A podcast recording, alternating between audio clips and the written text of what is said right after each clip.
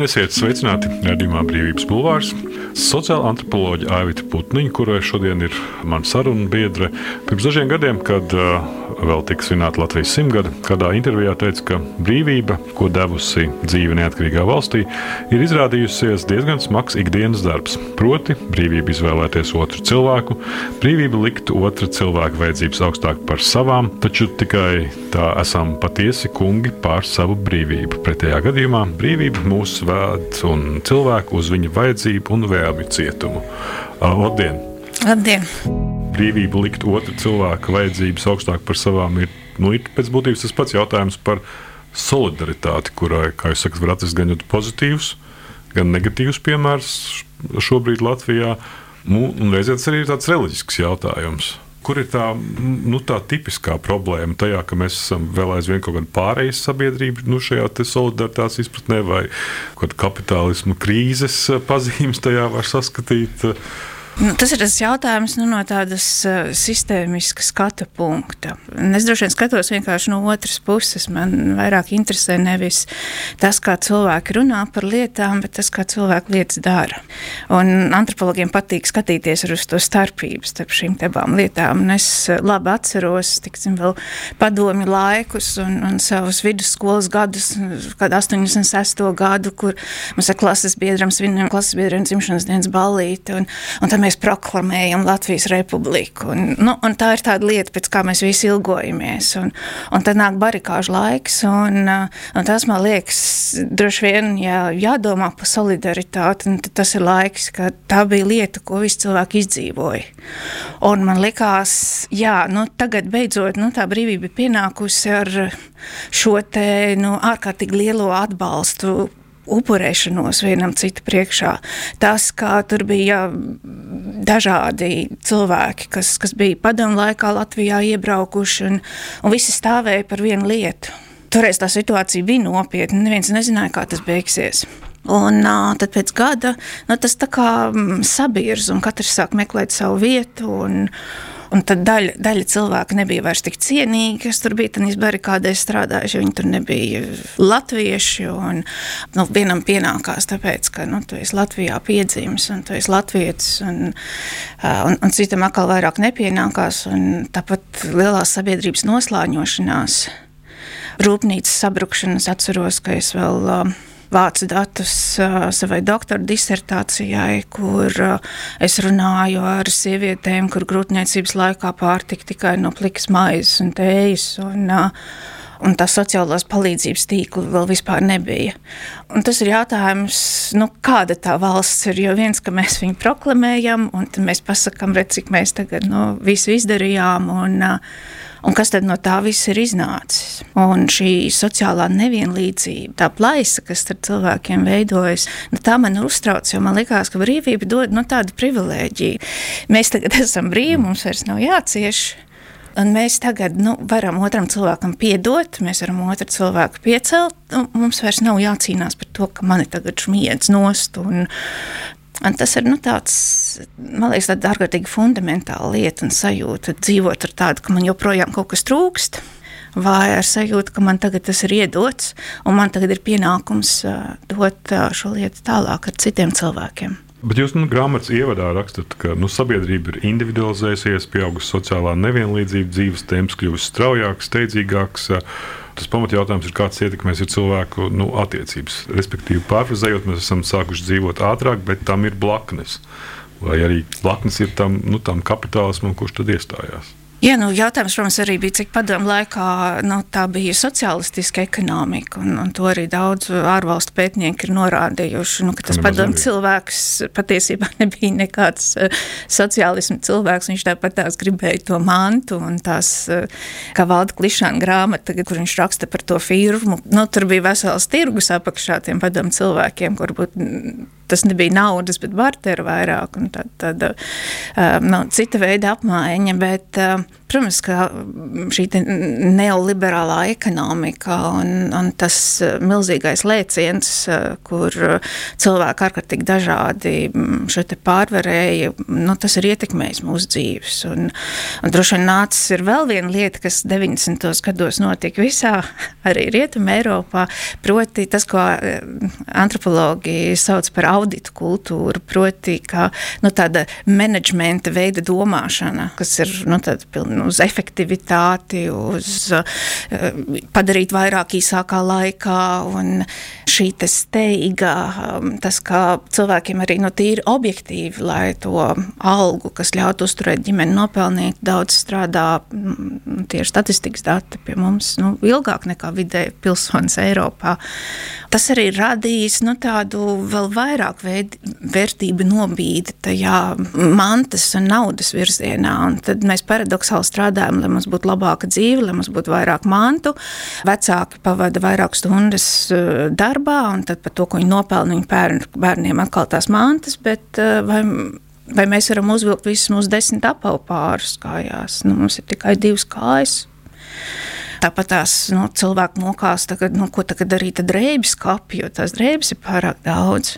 Un uh, kaut kā nu, šī konvertācija, dzīves konvertācija vairāk uz mantu, nu, tā parāda, ka nu, tās attiecības, kurās ir jāliek iekšā arī ļoti daudz laika, nu, tās tā kā pazuda šīs te, nu, steidzīgās un, un uh, marketinga tipa dzīves loģikas.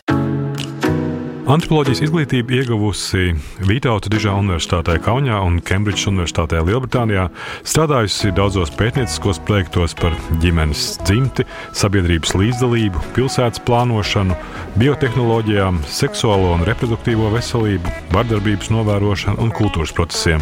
Aivita Putniņa konsultējusi starptautiskās un valsts institūcijas, gan ārējās komunikācijas, gan sabiedrības integrācijas un nacionālās plānošanas jautājumos izveidojusi antropoloģijas studiju programmu Latvijas Universitātē. Jūs nesen rādījāt, teicāt, uh, intervijā pagājušā gada nogalē, ka mēs dzīvotu labāk, ja viens ar otru sarunātos. Jā, jo tur jau tā lieta, ka tā nu, mantas nopirkšana cilvēkam jau nu, sagādā kaut kādu īslaicīgu laimes sajūtu. Nu, viņš tagad beidzot nu, tur kaut ko kaut kārtējo nopērk, bet tas jau nesniedz nekādu milzīgu gandarījumu ilgtermiņā. Jo ilgtermiņā mums eh, gandarījumu sniedz eh, attiecības, citu cilvēku atbalsts, mīlestība. Tās ir tās lietas, kuru dēļ eh, nu, mēs jūtamies vērtīgi un, un varam dzīvot. Mēs pārstājām sarunāties. Es domāju, ka nu, tā ir tāda pakāpeniska lieta un nu, pat apzināta lieta. Vienkārši vairs nepietiekama laika, bet nepietiek arī prasmes. Tad vēl viena lieta, ka mēs dzīvojam nu, tādā ļoti uh, tradicionālā sabiedrībā. Padomju sabiedrība arī bija tradicionāla ar ļoti izteiktām dzimtas lomām. Un, nu, kāpēc runāties, ja viss tāpat tās ir skaidrs?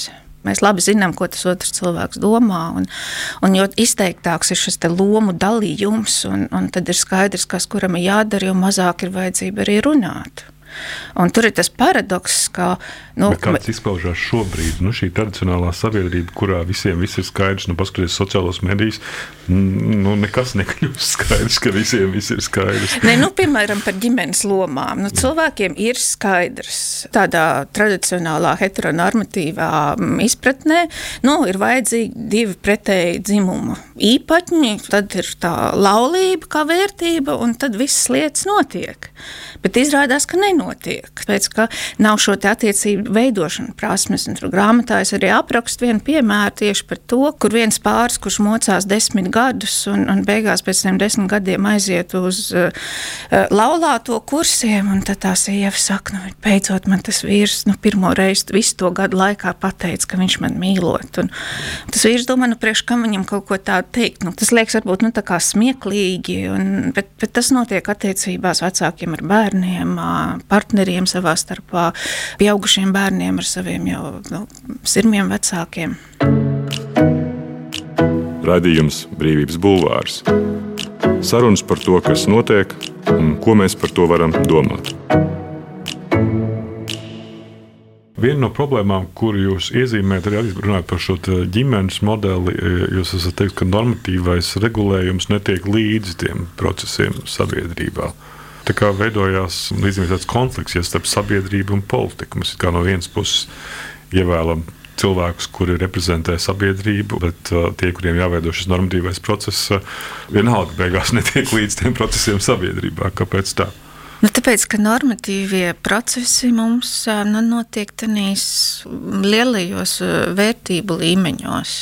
Mēs nu, vairāk dzīvojam nu, tādu kā tādu saukļu līmenī. Un zinātnē arī Latvijā nu, tā nevisai tic nu, sociālajiem zinātniekiem. To. Viņi... Jā, nu, tie Covid laika regulējumi, tas man liekas nu, ļoti spilgta ilustrācija nu, tam, kā tie eksperta viedokļi beigās tā arī netika ņemt vērā un visi vadījās nu, no tādas sajūtas, kā tagad, kā man liekas, kā tagad būs nu, daļa politiķi ir bijuši gudrāki. Tā ir nesena tendence, novērojis, ka mm, tiksim, partiju programmas tiek rakstītas pēc nu, socioloģiskas aptaujas rezultātiem. Nu, ko cilvēki tur gribētu redzēt, un to mēģina likt iekšā. Nu, tā jau tomēr ir tāda klasika. Visā pasaulē partijas pasūta socioloģiju savā priekšvēlēšana procesā, gan par saviem kandidātiem, gan par tēmām. Tā ir tāda, nu, nu tas, ka tu to savu programmu uzraksti pilnībā tikai balstoties aptaujā, bet ne, nevis tādā politiskā redzējumā, tā varbūt ir tāda galējība. Nu, ir tomēr kaut kāda nu, partijas programma, vai, bet kad tu neskaties nu, kaut kādu loģiku, bet saliec lietas iekšā, tas ģimenes regulējums, tas visu laiku ir bijis tāds. Eh, nu, karsts kartupeļs. Jo nedod Dievs tagad pateikt, ka no ģimene varētu būt nu, kaut kas vairāk nekā precēts vīrs un sieva un viņa bērni. Vai nu arī tādi, nu, kas, kas varbūt nav precējušies, bet noteikti pretēji dzimumu. Vismaz 11 gadus to es esmu vērojis, piemēram, nu, kāpēc Latvijā netiek kriminalizēta vardarbība ģimenē. Tas ir vaina pastiprinošs apstākļus, bet nav uh, specifiska regulējuma par vardarbību ģimenē. Uh, nu, tajās sapulcēs viss saka, nu, kā nu, tad būtu jādefinē, kas tā ģimene ir. Un, nu, to mēs nevaram atļauties darīt. Nu, jo tad jau mums nāktos nu, to plašāko jēdzienu likt iekšā. Un, krimināla procesa likumā nu, ir tas plašākais um, ielikts. Tā kā ir kaut kādas tādas nu, bailes. Bet bailes īstenībā, Būs... kā, kā jūs definējat, no kurienes tas ir? Tas bail... arī parādās tajā sarunā. Jā, nu, tāpēc, mēs gribam būt nu, tādi labi un kārtīgi cilvēki tajā saruna normatīvā līmenī, tādā deklaratīvajā līmenī. Ja es saku, es esmu par tradicionālajām vērtībām, nu, tad es esmu labs cilvēks. Aiz manis ir taisnība. Tā rada tādu zināmu solidaritāti sabiedrībā, nu, šajā vērtību līmenī, nu, ka mēs visi tagad solidarizējamies par kaut ko un, un, un pret kaut ko. Un, un tāpēc mums tagad ir tāda plaisa, ka.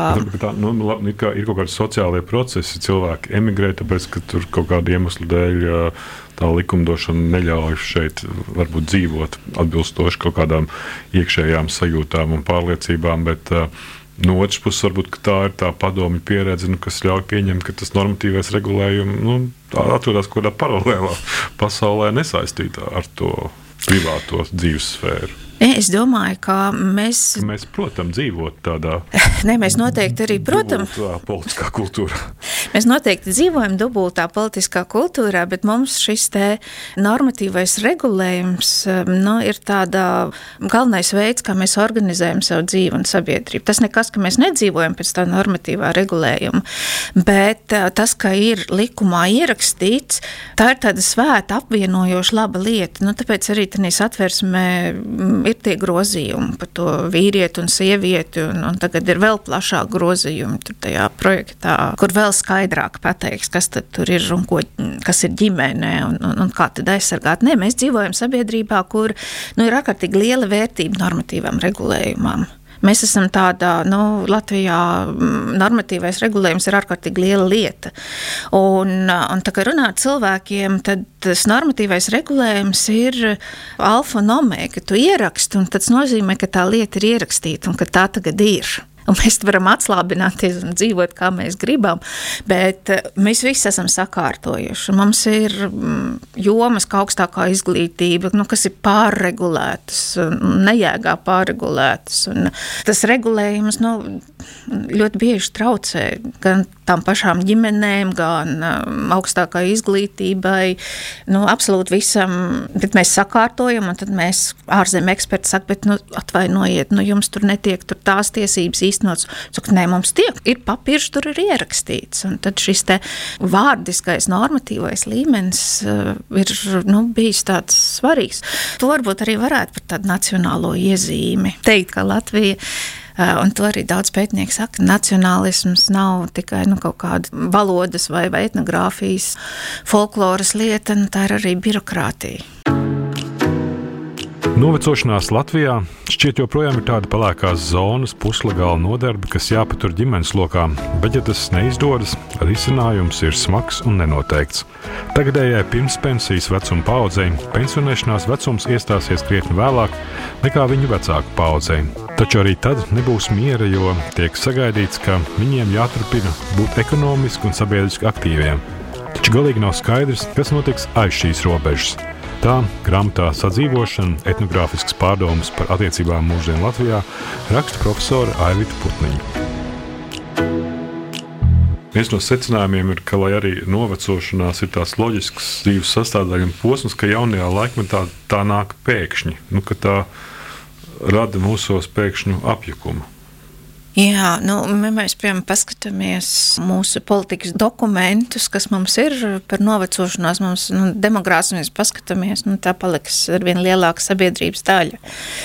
Nu, mums īsti nav bijuši tāda novecošanās politikas. Nu, kur nozīmē novecošanās politika? tāda, kas būtu nu, vērsta uz mūža nogali. Nu, ko mēs tagad darīsim ar veciem ļaudīm? Mums ir jaunatnes politika, mums ir ģimenes politika, un daudzās valstīs ir arī politika senioriem. Un mēģināt skatīties, kā senioru intereses tiek ievērotas nu, dažādos ārpolitikas virzienos un dokumentos valstī.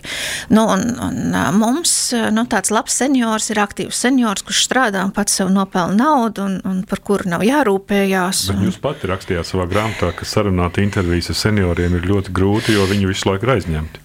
Jā, un, un tad tie, kuri mm, ar tiem ir ārkārtīgi grūti sarunāt, un ir tādi, kur sēž arī mājās, un kurus ir ārkārtīgi grūti sasniegt. Un tagad mums ir vēl viens pētījums, kur mēs skatāmies mēs kopā ar līdzpētniekiem, kur paši ir seniori tad viņi mums palīdzēja noteikt, nu, ko mēs tagad uh, īsti pētīsim, kas ir tie jautājumi, kas viņu kopienā ir ārkārtīgi svarīgi. Viņi gāja un intervēja savus uh, līdzpilsoņus, tos seniorus, kur dzīvo vien paši un kur nav iesaistīti šajā senioru kopienā. Un, un šiem cilvēkiem ir ārkārtīgi grūti tikt klāt, jo viņi ir gan nogriezti no šīs dzīves. Nu, ja tu aktīvi nenoveco, ja tu nestrādā, tev ir uh, grūti izdzīvot, nu, tad tu esi mm, nedaudz arī izmests no tās dzīves. Tā statistika saka, ka 2060. gadā puse eiropiešu būs vecāki par 50 gadiem. Nu, mēs tagad esam 20. Trešajā gadā, respektīvi, kā būtu nu, šo 24 gadu laikā, kas, jūsuprāt, būtu tādā politiskā līmenī jāmaina, vai tādā nezinu, sabiedrības inženierijas ziņā, lai mainītu stereotipus, vai kas attiecās uz novecošanu, vai tam līdzīgi. Nu, kas ir tās lietas, ko mēs varam nu, darīt? Lai... Tā viena lieta nu, ir atbrīvoties no vecuma, nu, proti, mainīt stereotipus, ka vecums vairs nav. Nu, Tu, nu, to mums arī politikas. Tagad, tur, nu, tur... Nu, tas ir tagad, tas politikas dokumentos ierakstītais, bet nu, Bet, ja nu, cilvēki tomēr ir veci, un ja viņi tomēr nu, nu, nav spējīgi nepārtraukti mācīties, nepārtraukti strādāt, un, un ko tad? Un ņemt vērā viņu intereses. Nu, un, piemēram, reģionālā reforma vienā no kurzemes pilsētiņām, kur tagad ir palikusi par nomali. Tur vairs nav nevienā apdrošināšanas aģentūras filiāli vai eh, ar vien mazāk palieku kādu banku pakalpojumu veikalu, un ja tev nav tā vieta telefona, tu esi mm, izmests ārā no dzīves, un, un, un kā tagad eh, jā, palīdzēt šiem cilvēkiem. Un, Un, un, un ko cilvēki dara? Nu, tur ir tā pati vecā solidaritāte ar kaimiņiem, ar, ar bērniem, kuri tad nāk un mēģina palīdzēt eh, tikt iekšā tajā digitālā dzīvē. Bet tas paradoks jau ir tāds, ka tā digitalizācija ar vien vairāk un straujāk attīstīsies, un eh, tie, kur pat labāk vēl jūtas tīri labi nu, tajā digitālā pasaulē un māk izmantot vietu telefona, mums nāksies nu, arvien straujāk un straujāk mācīties arī pašiem un kaut kādā brīdī mēs iespējams arī nonāksim nu, tajā situācijā, ka mēs vairs netiekam pasaulē līdzi. Un neaizmirst par šiem cilvēkiem, kuri tagad nu, veidos ārkārtīgi ievērojumu um, sabiedrības daļu. Bet un, jums, piemēram, palīdz jūsu darbā mākslīgais intelekts un tā aplikācijas pētījumos? Pētījumos, ne, es, es pati neizmantoju, bet man ir aizdoms, ka man studenti sākuši izmantot. Kas par to liecina? Par to liecina tādi dīvaini teksti, kur ir ļoti labi atrunāti atslēgas vārdi, kas ir rakstīti nu, tādā ļoti labā tādā valodā, kas nav tam cilvēkam bijis raksturīgs. Un es tieši par šo te arī domāju. Mēs esam iemācījušies noķert plaģiātu. Bet nu, to mākslīgā intelekta produktu ir ārkārtīgi grūti noķert. Un, protams, ka nu, jāformulē labāk ir uzdevums. Bet es pieļauju, ka tur tā sacīkste būs nu, tāda ārkārtīgi grūta. Es saprotu, ka man pat labi pietrūks zināšanu vispār, lai es eh, varētu ar šo te tikt galā. Tas varbūt ir tas sāpīgākais, ka man ir sajūta, ka arī es drīz pārkritīšu par bortu. Un, un man ir bijuši gadi, kur bakalaura darba tēmas ir tādas, ka es saprotu, ka nu, tā mana pasaule viss jau ir aizgājusi, un, un es vienkārši Piemēram. netieku līdzi par vaibu, par kaut kādām datorspēlēm. Pasaule, kurā es vairs nedzīvoju, kur, lai saprastu un izlasītu, man pat nav arī nu, tāda vārdnīca, nav vārdu. Man ir nu, rūpīgi jāizpēta, kas tas ir. Būtisks pārmaiņas pēdējos gadu desmitos ir skārušas arī veidu, kā cilvēki veido un uztur attiecības ap sevi dzīvesvietā. No vienas puses veidojas jauna attiecību tīkli, kuru pamatā ir vietējo iedzīvotāju kopējās intereses un jaunā pilsoniskās sabiedrības ideoloģija. Tas vērojams piemēram Rīgā ar tās apkaimņu biedrībām. Bet no otras puses, Līdzinēji attiecību tīkla sarūk, tas attiecas kaut vai uz kaimiņu attiecībām. Intervijās cilvēki bieži norāda, ka pazīst vecos daudzdzīvokļu māju iemītniekus, bet ar jaunajiem attiecības vairs neizveidojas. Tā savā grāmatā sadzīvošana raksta Aivita Putniņa. Jā, un šīs saites, to mēs redzam, ka tās lēnām pazūd. Un, un ir cilvēki, kas paliek aiz šī drošības tīkla ārā. Mums tur bija gadījums, kur aizgāja intervēt vienu vecu vīru. Un tikai tad atklājās, ka viņš savos 80 plus gados eh, iet katru dienu pēc ūdens eh, vairākus kilometrus, jo viņam mājās ūdens nav. Pateicoties tai intervijai līdzpilsoņu vietējā WhatsApp grupā, jo izrādās, ka seniori lieto vietu telefonus un, un WhatsApp aplikāciju, tad tur tika arī nolemts, kādā veidā no šim, šim senioram varētu palīdzēt. Tās tehnoloģijas mums nu, palīdz, bet no otras puses kādreiz mūs izstumj. Un, un droši vien domājot par kādām lietām un par šo solidaritāti, nu, tad, tad mēs tās tehnoloģijas gan varam izmantot, bet eh, nu, pamatā vienmēr būs attiecības un intereses vienam otru, nu, lai mēs nu, neatstātu jā, kāds cilvēks vienkārši mežā, kur viņiem ir grūti pašiem tikt ar savu aprūpu galā. Bet nesen arī šis pats konflikts iezīmējās, nu, vai tas ir sociāla antropologa konflikts nu, jautājumā par nu, bēgļiem. Jo šis gadījums ar sociālo antropoloģiju Ievara Biško un biedrību grib palīdzēt bēgļiem. Uh, jūs arī rakstījāt, ka antropoloģijas nodaļa daudzus gadus ir bijusi nu, uzticama partnere uh, šai biedrībai, jo viņi ir atlāpījusi kaut kādus atbalsta caurumus, ar kuriem uh, nu, Latvijā sastopas starptautiskās aizsardzības saņēmēji un personas, kas šo statusu vēlas saņemt. Un tas, laikam, ir saistīts ar to, ka tad, kad pēta bēgļu jautājumu, tu tiec nevis kā zinātnieks distancēts, bet tu, tu esi tieši iesaistīts. Jā, nu, varbūt antropologiem ir raksturīgs tas, ka mums interesē, un, un mēs arī pētām tās grupas, varbūt, kas sabiedrībā ir nu, vairāk nostumtas malā.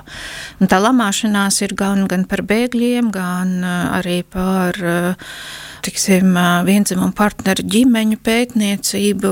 Nu, pilnīgi ir tādas, kas no dominantā diskursa, par ko cilvēki nu, runā un, un, un kas ir labs novirzies no tās takas, nu, tad, tad ir grūti. Bet par bēgļiem, jā, es pat arī esmu pētījusi bēgļus un, un ar mentālo veselību pirms kādiem gadiem. Un, bet Ieva ir tā ķēza gadījusies, nu, ka antropologiem ir raksturīgs, ka mums interesē varbūt ne tikai pateikt un izpētīt, bet nu, mēs gribam ar viņu kaut kādu pasauli labot un lāpīt. Mums ir tāds, nu, mēs sakam, ka tas ir no pētījums ar aktīvismu.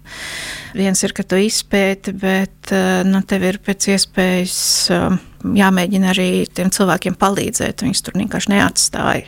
Ievācīm redzot, no, ir mēģinot palīdzēt, mēģināt risināt šos jautājumus, tad arī ir iekūlusies zināmā ķezā Un, bet, nu, jāsaka, tas nav varbūt gluži tāds pirmais gadījums, kad mums, mums pievērš uzmanību. Arī šajā studijā runājām ar, ar sociālo antropoloģu Dācis Zenovsku par to, ka, ka tā, viņi bija pētījis to robežsargu dilēmu, ka somāliešu un gruzīnu bēglis ir divas dažādas lietas tas tā arī ir. Un vēl mēs spriežam par otru cilvēku pēc nu, viņa ārējā izskata, pēc ādas krāsas. Un, un te ir skaidrs, ja tur būs baltādains pēklis, tad viņam tur ir viņš varbūt mazāk melo nekā ka, ka viņš ir sīriešu bēglis. Un, nu, tas, tas rasisms no mūsu sabiedrībā ir. Nu, es atceros um, to pat. Uh, viena mana kolēģe, kas savulaik mm, bija uh, saimas speakers vietniece. Viņa arī publicēja tādu pētījumu par bēgļiem, kurā viņa rakstīja, ka mums nevajag tur tos bēgļus uzņemt no tām citām klimatiskām joslām, jo tā būtu nabaga cilvēku mocīšana. Nu, kā viņi tādīs klimatiskos apstākļos te augsts ir un, un, un tā, nu, ko tad viņus tur labāk lēmt, savā Sīrijā paliek. Nu ka viņiem ir grūti. Es atceros, nu, ka viņi to grāmatu rakstīja, un tur prezidenta bija priekšvārds. Toreiz vēl Levitkungs nebija prezidents, bet viņi abi bija, bija klāt, kad to pētījumu prezentēja. Viņi man tā arī pateica, Avi, tu dzīvo kaut kādā citā telpā, tad anglosakšu zinātniskajā tradīcijā. Savukārt īsti latviešu zinātne tāda, kas aizstāv latviešu intereses, un tur nevajag viņai būt empiriski pamatotai, galvenais ir intereses. Bet no otras puses, nu, mums ir jāņem vērā arī tas, ka hibrīda kara apstākļos nu, šis bēgļu jautājums tika izmantots un vēl aizvien tiek izmantots. Un kā tad šis aspekts ir? Kā jūs viņus nu, prioritizējat? Nē, nu noteikti. Es, es pieļauju, ka arī, ar, arī Ukrāņu bēgļus var šādi izmantot. Nu, bet tieši tāpēc droši vien mums ir drošības struktūras, ka ir noteiktas uh, patvērumu meklēšanas struktūras, uh, no, no procedūras, nu, kā mēs to varam civilizēti risināt. Mums jau nav jālaiž iekšā pa robežu visi cilvēki, un viņus jāapsveic, bet, ja ir cilvēki, kuri piedzīvo smagas veselības problēmas un kuri ir augstos apstākļos, eh, ziemā sniegā, aps, no atsaldē locekļus. Nu, ja viņi ir hibrīda kara instruments, nu, tad mm, mēs viņus sūtam atpakaļ. Es domāju, ka no spīdzināt cilvēkus mežā, nu, nu, tas arī nav risinājums. Nu, tas mūs nekādā veidā nepasargā. Nu, tāpēc ar katru gadījumu um, tiek izskatīts. Nav jau jāielaiž iekšā cilvēki. Ar, nu, tas, tas, vai viņiem tur ir tā plinta pie sāniem vai nav, to droši vien jau ir nu, gan viegli uh, konstatēt. Un, uh, un noteikti, ka mēs skatāmies uz visiem cilvēkiem kā uz cilvēkiem. Un, uh, Un tas droši vien arī ir nu, antropoloģijas pienesums. Tagad vairāk jau kā simt gadu garumā mēģināt pierādīt, nu, ka mēs visi esam cilvēki. Un, un kā cilvēki mēs spējam veidot ļoti dažādas kultūras. Mēs dažādi izskatāmies, bet uh, mums ir kaut kas kopīgs. Un tad, protams, ir nu, dienesti. Jā, viņa pienākums ir nu, mēģināt um, tikt galā ar saviem uzdevumiem. Un, un kādreiz varbūt nu, to ir vieglāk izdarīt vienkārši nu, no tā cilvēka atbrīvoties. Nav cilvēka, nav problēmas. Un jautājumi par bēgļiem nu, nav tikai antropologi, kas bijuši kritiski. Nu, cilvēktiesību centra ziņojumi, ja mēs palasām. Un, un, nu, tā ir gana ilgstoša problēma, kā mēs izturamies pret citiem, pret svešādajiem. Paldies! Tā bija sociāla antropoloģija Aivita Putniņa, mans vārds Gins Grūbe, raidījumu ierakstīja Toms Šits un montēja Nora Mitspapa. Paldies! Brīvība ir brīvība, nevienlīdzība vai taisnīgums, vai kultūra vai cilvēks laime. Tā teica Iesai Berlīns. Sarunas ar brīvas apziņas un ideju cilvēkiem raidījumā Brīvības bulvārs.